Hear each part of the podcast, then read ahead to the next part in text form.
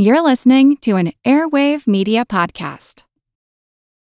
This episode is brought to you by Reese's Peanut Butter Cups. In breaking news, leading scientists worldwide are conducting experiments to determine if Reese's Peanut Butter Cups are the perfect combination of peanut butter and chocolate.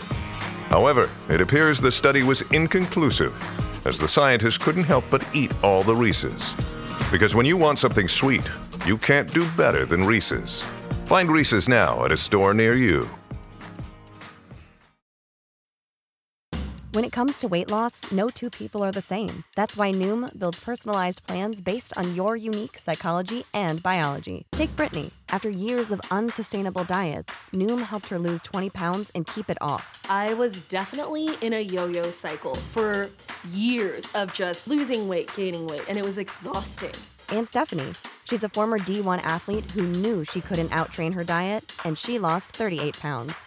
My relationship to food before Noom was never consistent. And Evan, he can't stand salads, but he still lost 50 pounds with Noom. I never really was a salad guy. That's just not who I am. Even through the pickiness, Noom taught me that building better habits builds a healthier lifestyle. I'm not doing this to get to a number, I'm doing this to feel better. Get your personalized plan today at Noom.com. Real Noom users compensated to provide their story. In four weeks, the typical Noom user can expect to lose one to two pounds per week. Individual results may vary. This is Kick Ass News. I'm Ben Mathis.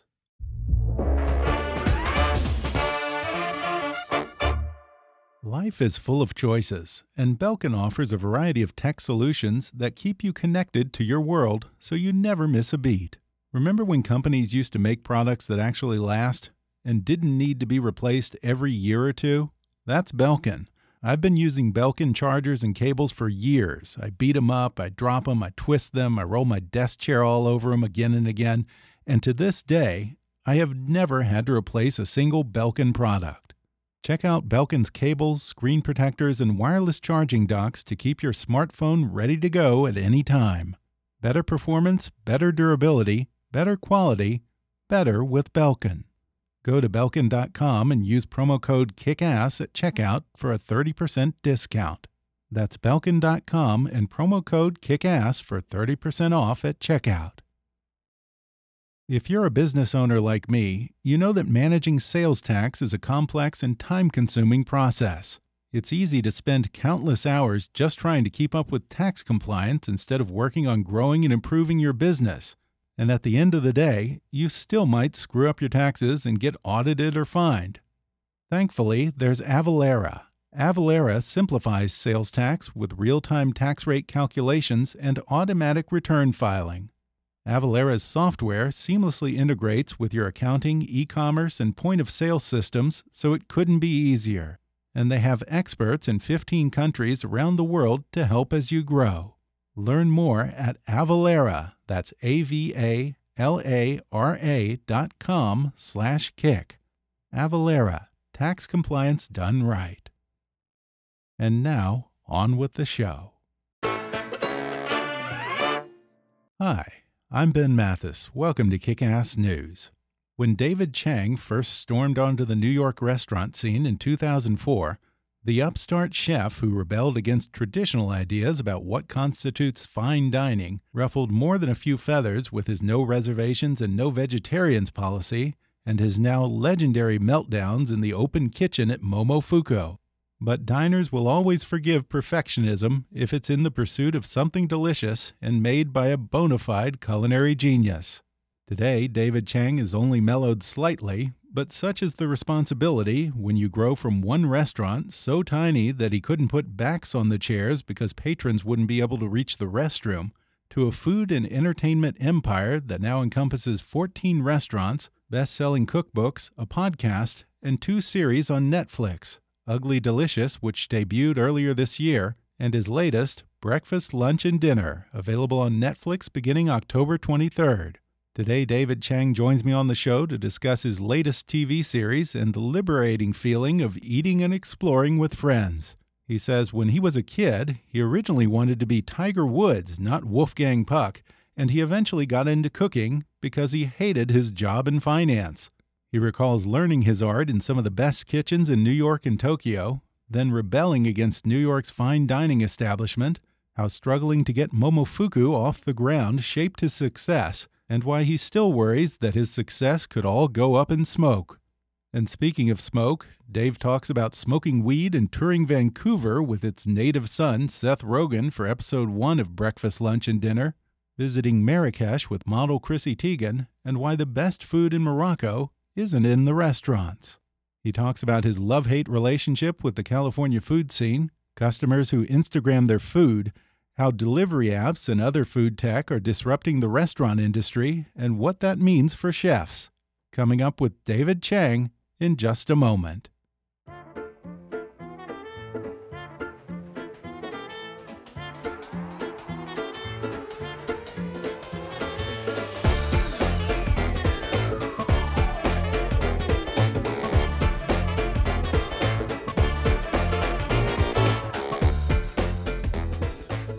David Chang is a James Beard Award winning chef and founder of Momofuku, which now includes over a dozen restaurants around the world.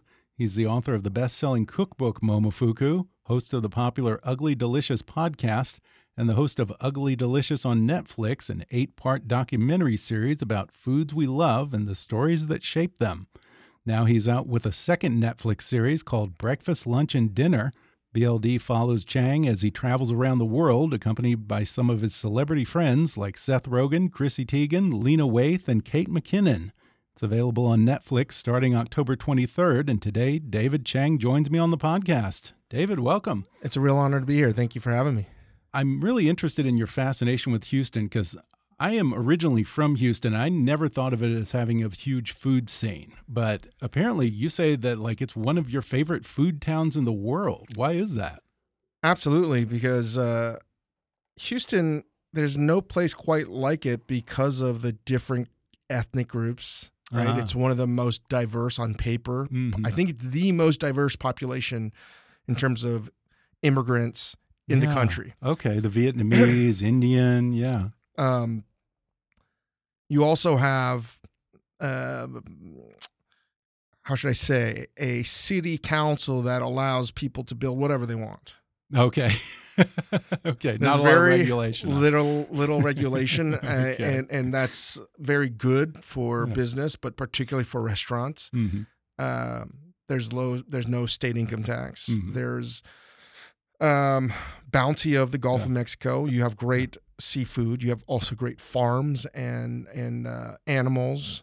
Um, you have a lot of colleges around you. It's like okay, you have everything. Okay, and that's it. Just is like it's a perfect storm to create a culinary environment that is truly unique and American. Okay. And you see mergers of cuisines mm-hmm. happening mm-hmm. there that you're not seeing anywhere else. And that's an amazing thing. Huh. And I'm not even talking about like the specific, like if you just want to get Vietnamese food, uh, that's as good as maybe the best in America, maybe outside of Orange County. Who knows? It's definitely in mm-hmm. conversation. And Houston is always surprising as to what's developing and percolating there. Mm-hmm. And because of that ability for people to try something new because it's not so cost prohibitive, I think you, you get very interesting results. Yeah, I mean, compared to New York, that must seem like a dream for a chef to kind of have the lack of regulation and be able to do what you want. I mean, that's the opposite and, and, of New York. Standard days, living is it? higher. Yeah. You know, it's it's it's it's a pretty good place to yeah. open up a restaurant. And now, are you going to open a restaurant there, or you know you what? don't have one right no, now? No, we right? don't. But okay. you never know. Yeah, uh, I genuinely love Houston. Yeah. It's got all the sports teams you want to. Yeah, that's for sure. You know, they say Austin's weird. I think Houston is way weirder than Austin. well, I'm interested in how you came to cooking because it's funny. Your parents kind of had two businesses. They owned restaurants and they owned a golf warehouse. And at least initially, you started off leaning more toward the latter. You wanted to be Tiger Woods when you were young. Well, right? I think my father wanted me to be. Okay, uh, he was. That really way, is like Tiger Woods. Way, yeah, way ahead of the curve in terms of uh, Asian parents trying to get their kids to play golf. Um, yeah, they. Uh, my dad you know, worked his entire life to get out of the restaurant business and to make sure his kids would never work in it. So the irony of me getting into it, uh, you know, isn't lost on me. Um, but golf was uh, my predestined profession, Yeah. and I burned out at the ripe age of like 13. Yeah. Yeah. Were you pretty good? I thought I was pretty good, but ultimately, I think one of the reasons I burned out, besides me not loving it, is I wasn't as good as I thought I was. Yeah. Do you still play at all? Um, I've played three times since 2003. Okay. It's a huge waste of time. Can we just be honest?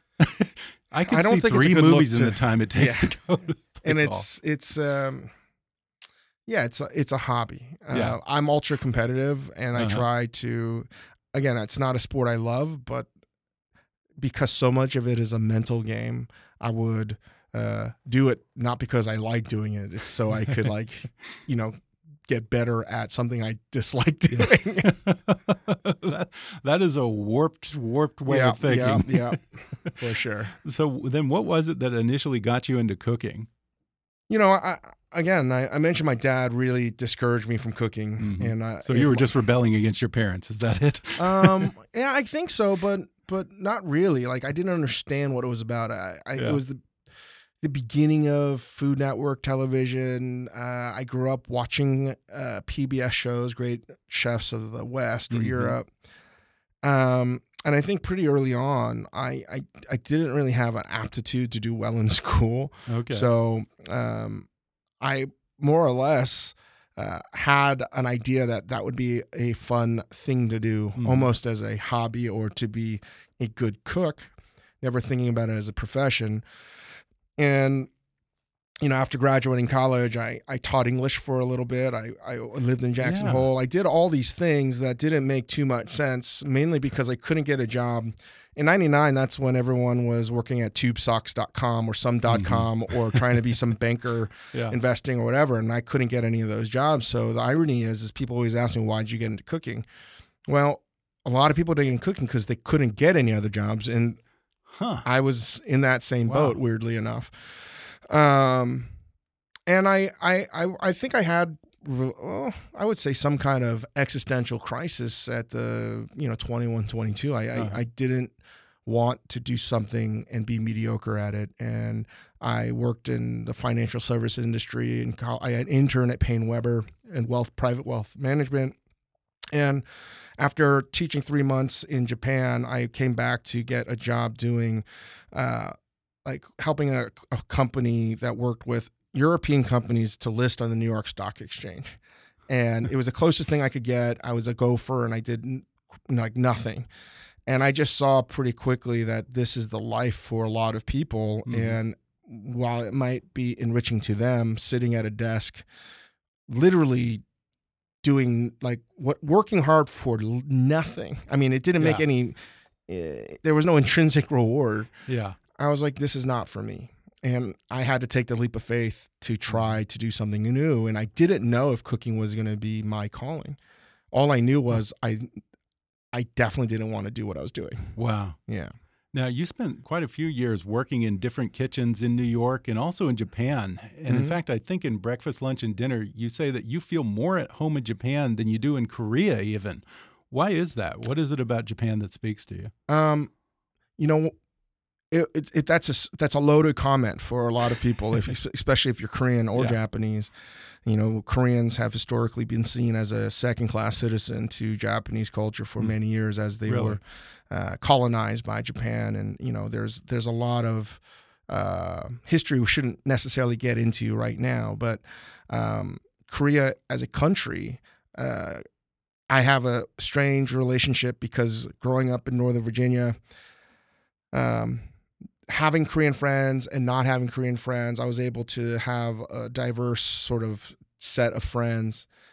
And I never quite embraced Korean culture. I was Really? always like sort of in between. And when I went to Korea in college in a, in a summer abroad program, I, I was shocked at, as uh, they call me gyopo, which is Uh-huh. translates to foreign born, and Huh. that's not a a a a, a kind comment. Mhm. And I, I saw that a place that I was always excited to go to really wasn't embracing of me. Mhm. And Well, it's like Chinese versus Chinese Americans. yeah, Yeah. um, but I think a little bit more hostile. And, Oh, really? um, and I just I thought even with the kids all over from America, right, Korean American kids, and this is a, a very common program that that I would find uh, some more like minded individuals, and that wasn't the case either. Mhm. So the irony is, I get to Japan and total isolation. Really, um, I got to see a side of Japan that I don't know if a lot of people get to see, and how I lived and what I did and where I worked. Um, I think a lot of it just made sense to me, and I still don't know how or why. But one of the reasons why, for sure, that Japan felt more at home. My grandfather on my mom's side uh, really was an instrumental figure in my life growing up as a toddler and he was a well-to-do Korean person, but was really Japanese because he was uh, educated in Japan. Oh, okay. Because he, Yeah. they, they, a lot of the well-to-do, intelligent, educated men and women of Korea, when they're at a certain age, were taught to basically be Japanese. At a young age, he basically grew up in Japan. Okay. I mean, that's the best way to Yeah. explain Yeah. this. And okay. he didn't like Korean food. Hmm. He didn't like kimchi. He didn't like doenjang jjigae. He didn't like the staples that Yeah. everyone else in my mom's family or my dad's side loved. And we would go out and eat Japanese food. We would get on a bus and and and we'd take the bus around a lot of different weekends. I remember as a kid, and he would take me and he would teach me how to eat stuff. And I just always remember that, like, wow, grandpa's different. Yeah. And I think for whatever reason, when I got to Japan, as foreign as it was, and it's very foreign still to me, and how, however hard it was, I just made more sense, at least culinary speaking wise.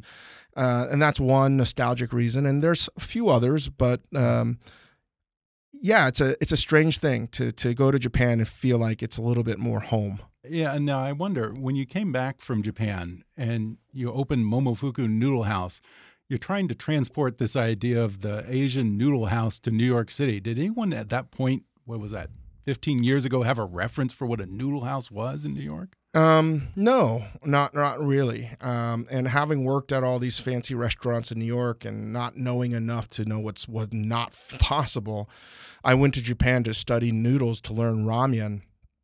It was something that I wanted to own. A lot of my peers were going to Europe, and I, again, a lot of this came from golf. A, a very competitive person, always checking the scoreboard Yeah. and very realistic with my expectations and knowing that however good I was at cooking, there was probably at least a dozen people ahead of me. hmm And at that time, uh, to open up a restaurant, as insane as it sounds, is, is true. Uh, the only way you were going to get your own restaurant, and that would be a fancy fine dining restaurant, hmm which was truly the only kind of restaurant in New York City where Right. uh, in 2000, like, yeah, like Bouley and Daniel. Well, Um, yeah, and it's almost like it's the only kind of restaurant that could afford to exist in New York. Right. And it seems like it's even more so these days. It seems like the more and more rents go up, one day you're only going to have Daniels and Bouley. Yeah, and, stuff but it like wasn't just the real Yeah. estate. It was if you told someone in 1999 that you loved food, that. Mhm. and this is before the word foodie really even existed, you were seen as a snob and it was elitist. Okay. And th- you- Interesting. listen, there, I think there's a there's certainly a easy way to like see that, but um, I was fortunate enough to be able to travel the world and not the world, but particularly in Asia. And the thing that I was always amazed at when I lived in Japan, and I actually lived in a homeless shelter with a lot of um, Really? Yes, with a lot of uh, Korean students that were trying to arbeit is like a part time job. This com, I- I'm trying to like edit out some stuff in my head because this conversation could take hours. Okay. Um. Anyway, I I saw something that I didn't see while I lived in America. Mhm. That eating well was a right that everybody wants to have, hmm and Sure. to eat well affordably. And a city as expensive as Japan, I mean, I ate like a king and cheaply. And how was that possible? And this is before Yeah. guidebooks. I mean, yeah, there was Lonely Planet and guide like stuff like that, but they didn't really cover restaurants in the Mhm. the infinite maze of the culinary landscape that is Japan. and I just got lost. And uh, because I could never afford anything expensive, I just sought out things. And one of the things I really ate a lot of was ramen. And uh, I compiled a list, and I went to all the top stop spots and getting to travel China a little bit, and just seeing that, like, wait, people eat really well affordably, Mhm. and they don't just Yeah. eat like a burger; they're eating delicious, complex foods. Mhm. So when it's I not, a lot of times it's not sushi. I No. mean, if you go to sushi in Japan, a lot of times it's going to be pretty expensive. But there's so many other types of cuisine. No, Japanese food available is so like not just Japanese food, all all foods really, particularly in Asia. The the rabbit hole is very deep Yeah. and diverse. And we just get an American distillation of what actually is in terms of the Mhm. perspective, particularly then. So I I um I came back to America and I worked for Daniel Boulud and Angel Carmellini at Cafe Boulud, which at the time I thought was the best restaurant. And uh, things were happening in my life, some personal issues, family issues, and also I I had a harder time adjusting back to America. I lived in America. I lived in Japan. Uh, that go around, go and move back to Japan to cook for about ten months, and I didn't expect to get culture shock coming back. And one of the things for me going back, even though I'm not Japanese, I could blend in okay. right? Like Yeah. I, I'm not aware of my skin Uh-huh. color in Japan, Right.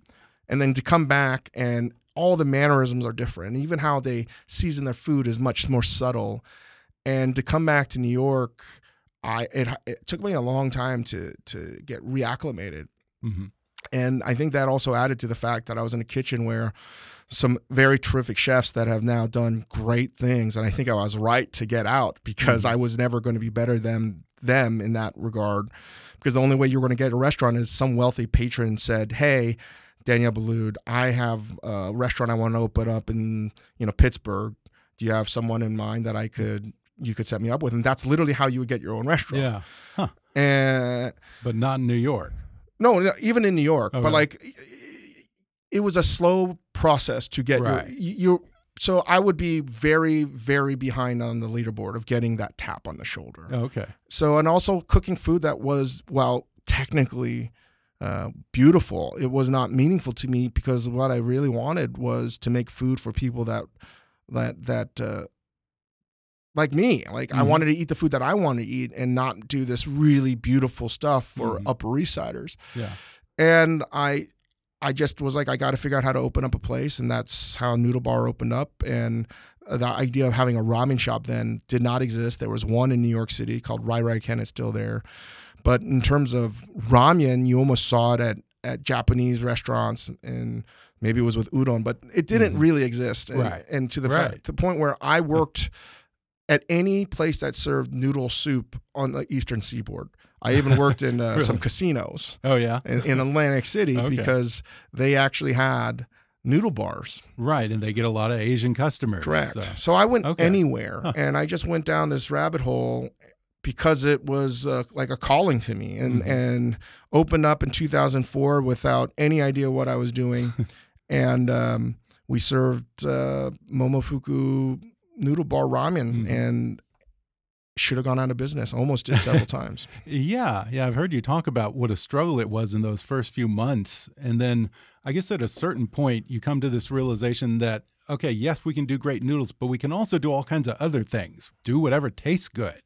Yeah. What was the aha moment for I mean the aha moment is uh, you're going out of business really? Okay. yeah Yeah, that's a that's a Um, good motivator. and and and I, I I never like to cheapen the the the the the, the metaphor analogy to cancer, but having had Mhm. seen cancer in my family and and the the, the strange sick thing that happens uh, that people start to live their life when they get diagnosed with Mhm. cancer. I saw us as we operated as a terminally ill patient. And the only option is to try everything Yeah. and and to have the will and the grit and determination not to to go out of business. hmm And at the time, my mom and she's still struggling with cancer. Um, I just was like, this is this is how we looked at it. hmm We're going to be open to anything and everything, and we're going to throw out what's cool, what we think we have to do. We're going to do whatever works. hmm And as painful as that whole moment was, we found our identity through that like really dark time. yeah.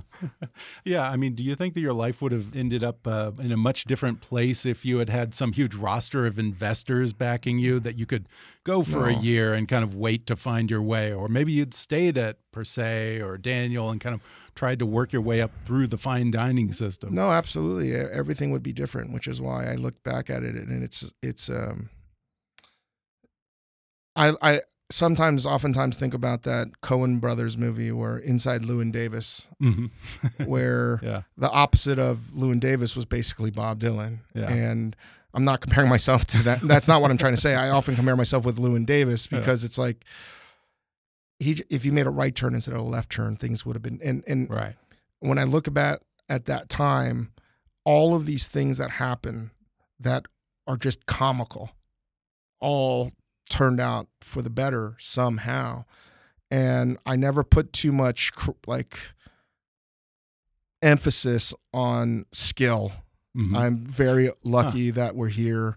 We've had some great people. I've gotten way too much credit, and we've been in the right place at the right time, and we've definitely worked our butts off. Yeah. Um, but had we had a more traditional path and investors and a comfort level of financing, I I'm a kind of person that doesn't work well with a net. Mm-hmm.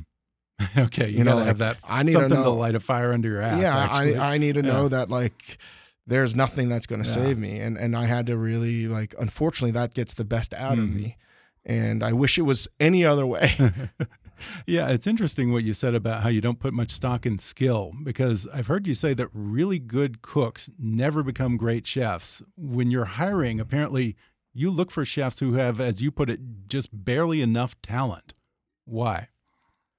Because if you are determined as a cook, you're going to get better. Mm -hmm. It's not a skill set that um, it's not like I'm asking people to figure out some quantum mechanic problem. Right. right. This is a craft.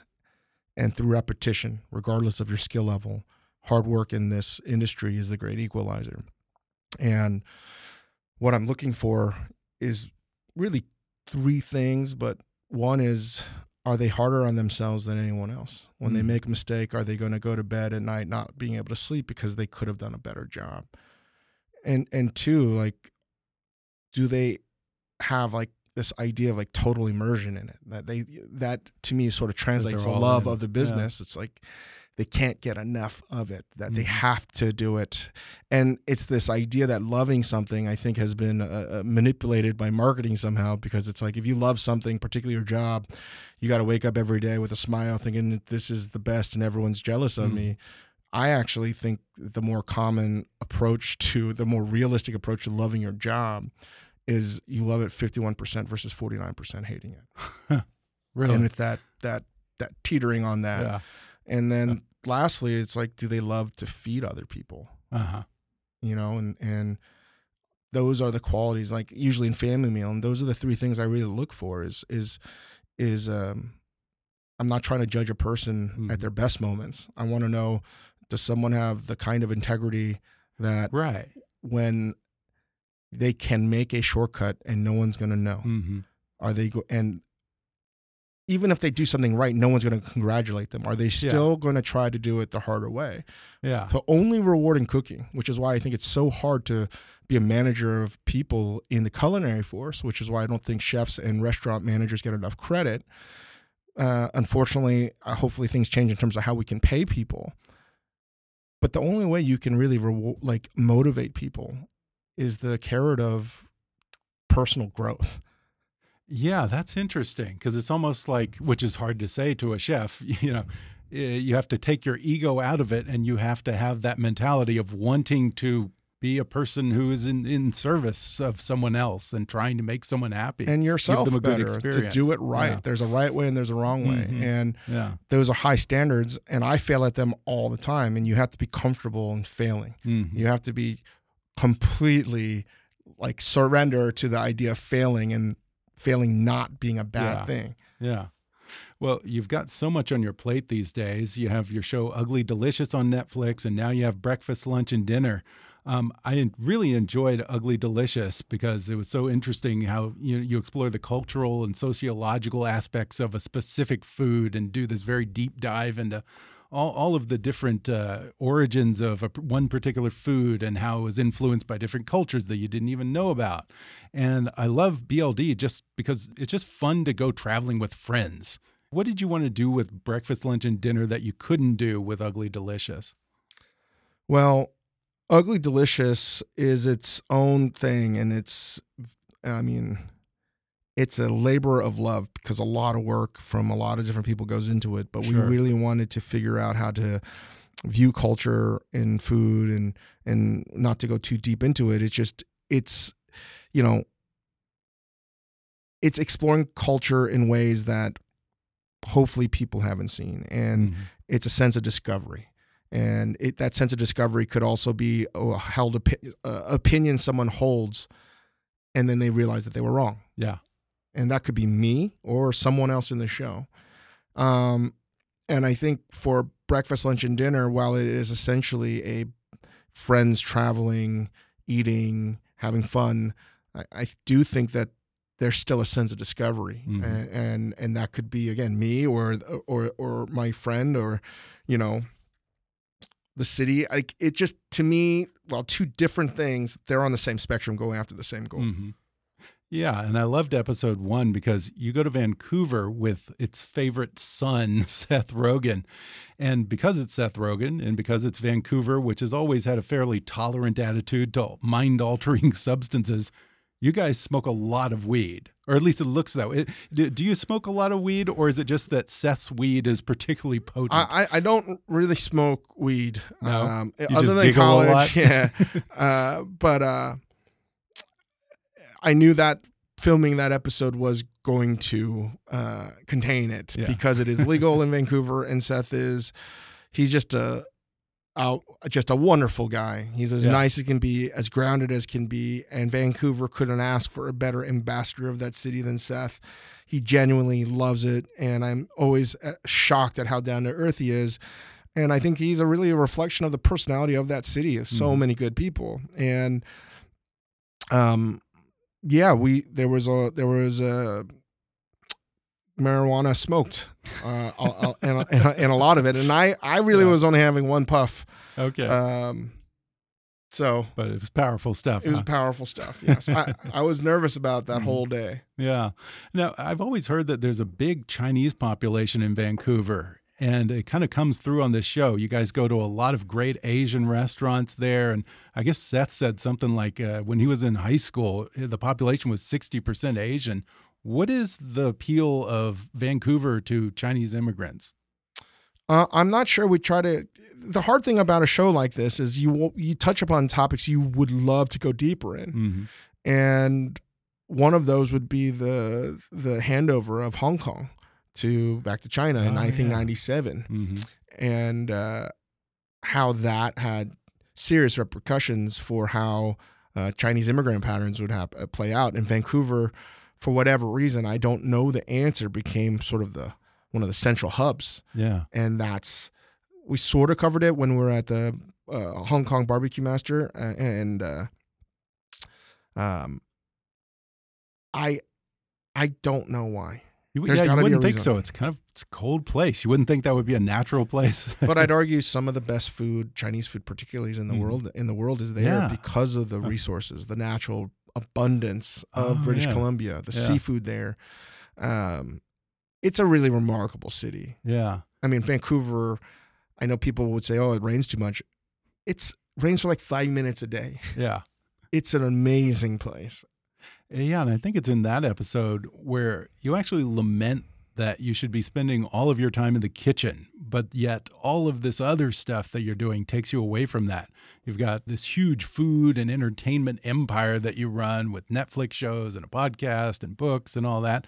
Do, do you sort of feel like you're kind of a victim of your own success at this point? Um, I don't think I'm a victim. I think I'm still just trying to figure it out like Mhm. everyone else. Yeah. You know, uh, I still have the same insecurities I had as a teenager, Yeah, and all this success is something that I don't really believe too much of. really. And uh, yeah, You- I, I do you. I feel mean, like I, it could just evaporate uh, in a day or something. yes, I'm a pretty paranoid gentleman to begin with, but um, I tend not to think about whatever's happened in the past. Mhm. I tend to only think about the negative, and uh, you know, those that are close to me know that I'm a pretty, you know, pessimistic person, and I always joke that I'm a really an optimist. Uh, that a pessimist is the best version of an optimist because, Mhm. like, I, I want to be wrong. Yeah.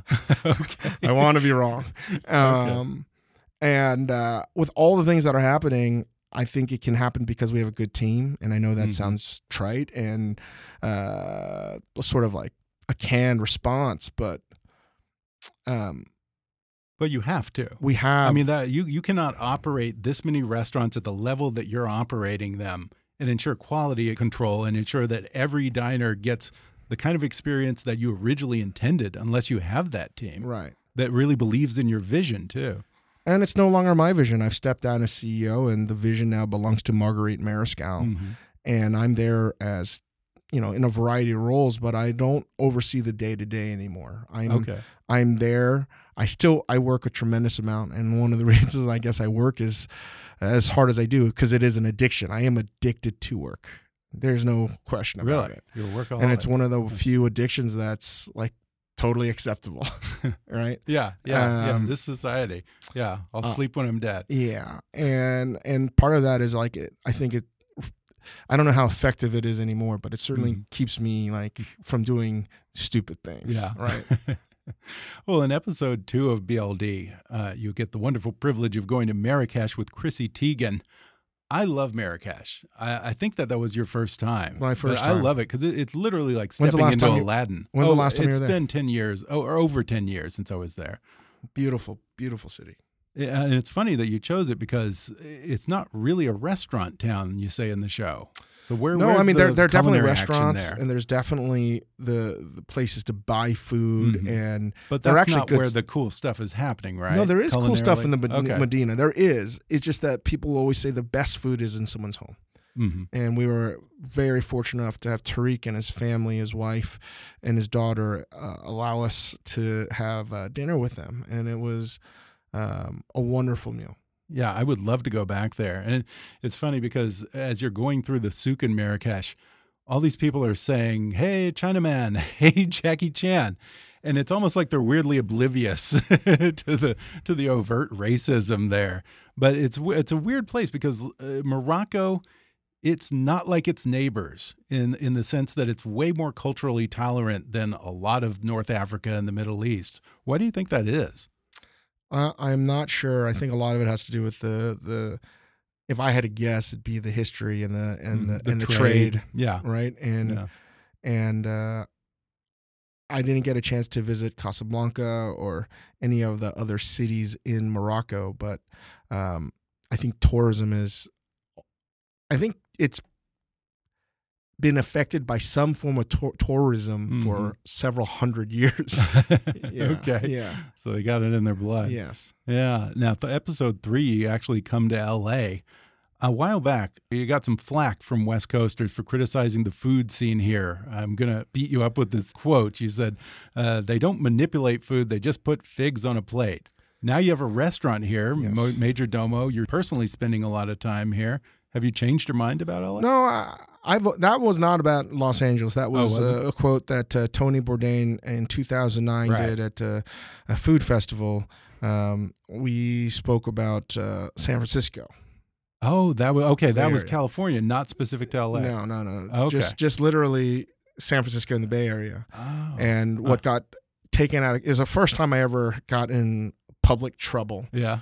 Um, and just so people don't send me hate mail, I um, I, I listen as a person. I try to celebrate all things that are tolerant, that Mhm. are uh, diverse and open, and I try to be that. I fail more often than not. And what I was just trying to explain, uh, when I was a much younger fellow, was San Francisco and the Bay Area at large embraces the new, uh, and it's been sort of the the vanguard for all things new culturally hmm uh, from politics to sexuality Right. to music Sure. to drugs um, to food technology and i found it to be stifling a bit that every restaurant particularly then it really seemed like every restaurant was trying to cook food uh, exactly or the same ilk of Chez Panisse. And I mm-hmm. love Alice Right. Waters, mm. and she's been a very in- instrumental figure in my life. All I was trying to suggest, and I could have articulated much better, was with the produce that San Francisco has and the, the the sophisticated dining that it has, that it should be the best place in the world to eat. It's hard to do that when everyone's doing the same and it's Right. this homogenized thing. And San Francisco celebrates diversity, and maybe that was a true in every facet Mhm. except food. Huh. That's fascinating. And that could be applied to California at large. And yeah, Mhm. I think that uh, without going too deeper into that, um, I understand it a little bit better because I was definitely young and dumb, but I, I wasn't trying to denigrate anyone. Yeah. Um, I was simply jealous. Yeah. to have the produce of California is unbelievable. Oh yeah. Like- it's an abundance of riches. you know, you walk in the one of the farmers market here and you just see dates. Like you're like, oh yeah, there's Yeah. dates in this country. Yeah. Like- yeah. We in California forget that like not all of the country has access to avocados year round. Yeah, and just Yeah. there's two springs. Mhm. There's literally two Yeah. springs. Like what? You know what I mean? Like I can get tomatoes pretty much like seven months out of the year. Yeah. um, and the sweetness of the strawberries and the citrus, and not just the the fruits and vegetables, the abundance of the ocean in the in the Pacific. It's just amazing. So, uh, of course, I want to explore all different ways to cook food. Now, speaking of the abundance of the ocean, in that episode, you go to a Cajun crawfish boil place in LA. I think it's called Hot and Juicy. Yes. I love those places. Growing up in Houston, I kind of have a real taste for the Cajun stuff. But it's interesting. I've noticed that, especially in LA, all the good Cajun shrimp boil places are predominantly in Asian neighborhoods like Alhambra, K Town, Arcadia, San Gabriel. What is the Asian Cajun or Cajun connection there? I'm not sure. Really? I'm really not sure, and I'm not again trying to rock the boat here, but I'd say outside of the say Chesapeake Bay Mid Atlantic area Uh-huh. and the Gulf, which would include obviously Houston to New Orleans, and then parts of the Pacific Northwest where that are coastal, you have access to crabs, and then obviously coastal California, uh, but crabs, crab eating and crawfish, uh, it's not. Um, it's not a, really embraced by American sort of Right. It's Culture. messy. It's It's messy, messy, and it's stinky it's- and garlicky. it's hard to Yeah. eat, get your food. A lot of work. Yeah. It's a lot of work, and I think what's hard to understand again, growing up eating crab in the Bay uh, Chesapeake Bay area, yes, it's all of those things. But if you remove the meaning of nostalgia and the meaning of Mhm. community and the meaning of friends and family, yeah, it's it's a pain in the ass.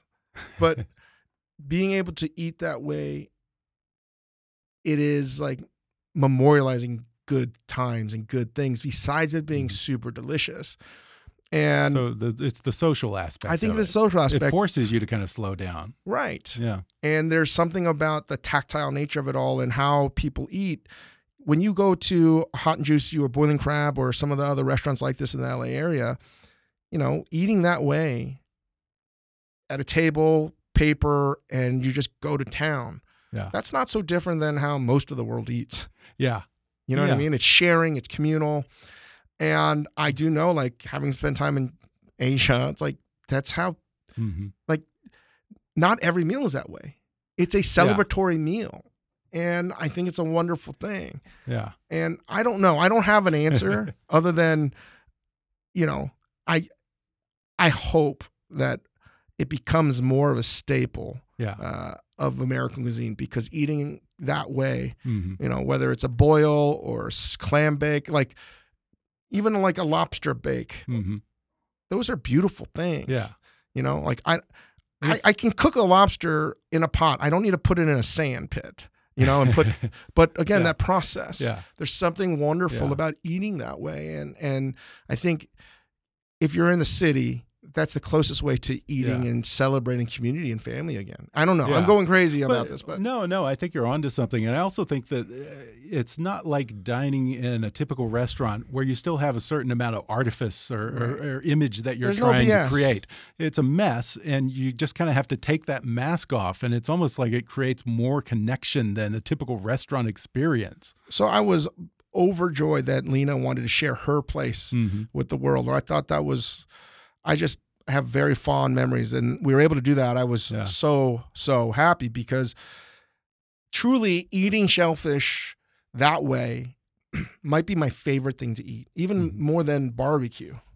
You know, which is very similar to Uh-huh. you know, yeah, but yeah, it is. but like shellfish is I don't know, I, I it's just Yeah. different. Yeah, yeah. No, I get what you're saying. I- I'm curious. I have to ask you about this because for me, there's a little bit of a pet peeve. People who Instagram their food. Mm. I- Is it a double edged sword for a restaurateur? Because, yes, you're getting that promotion, but it's also the person promoting you is not someone working for Bon Appetit. they oftentimes the food ends up looking like shit when it's in a photograph. It looks flat and brown and bland. Who wants to eat that? Or doctored to look really good. oh, right. Yeah, yeah. As a filter. Yeah. Um, you know, when we first opened up Ko in 2008, we banned photography. Oh, yeah.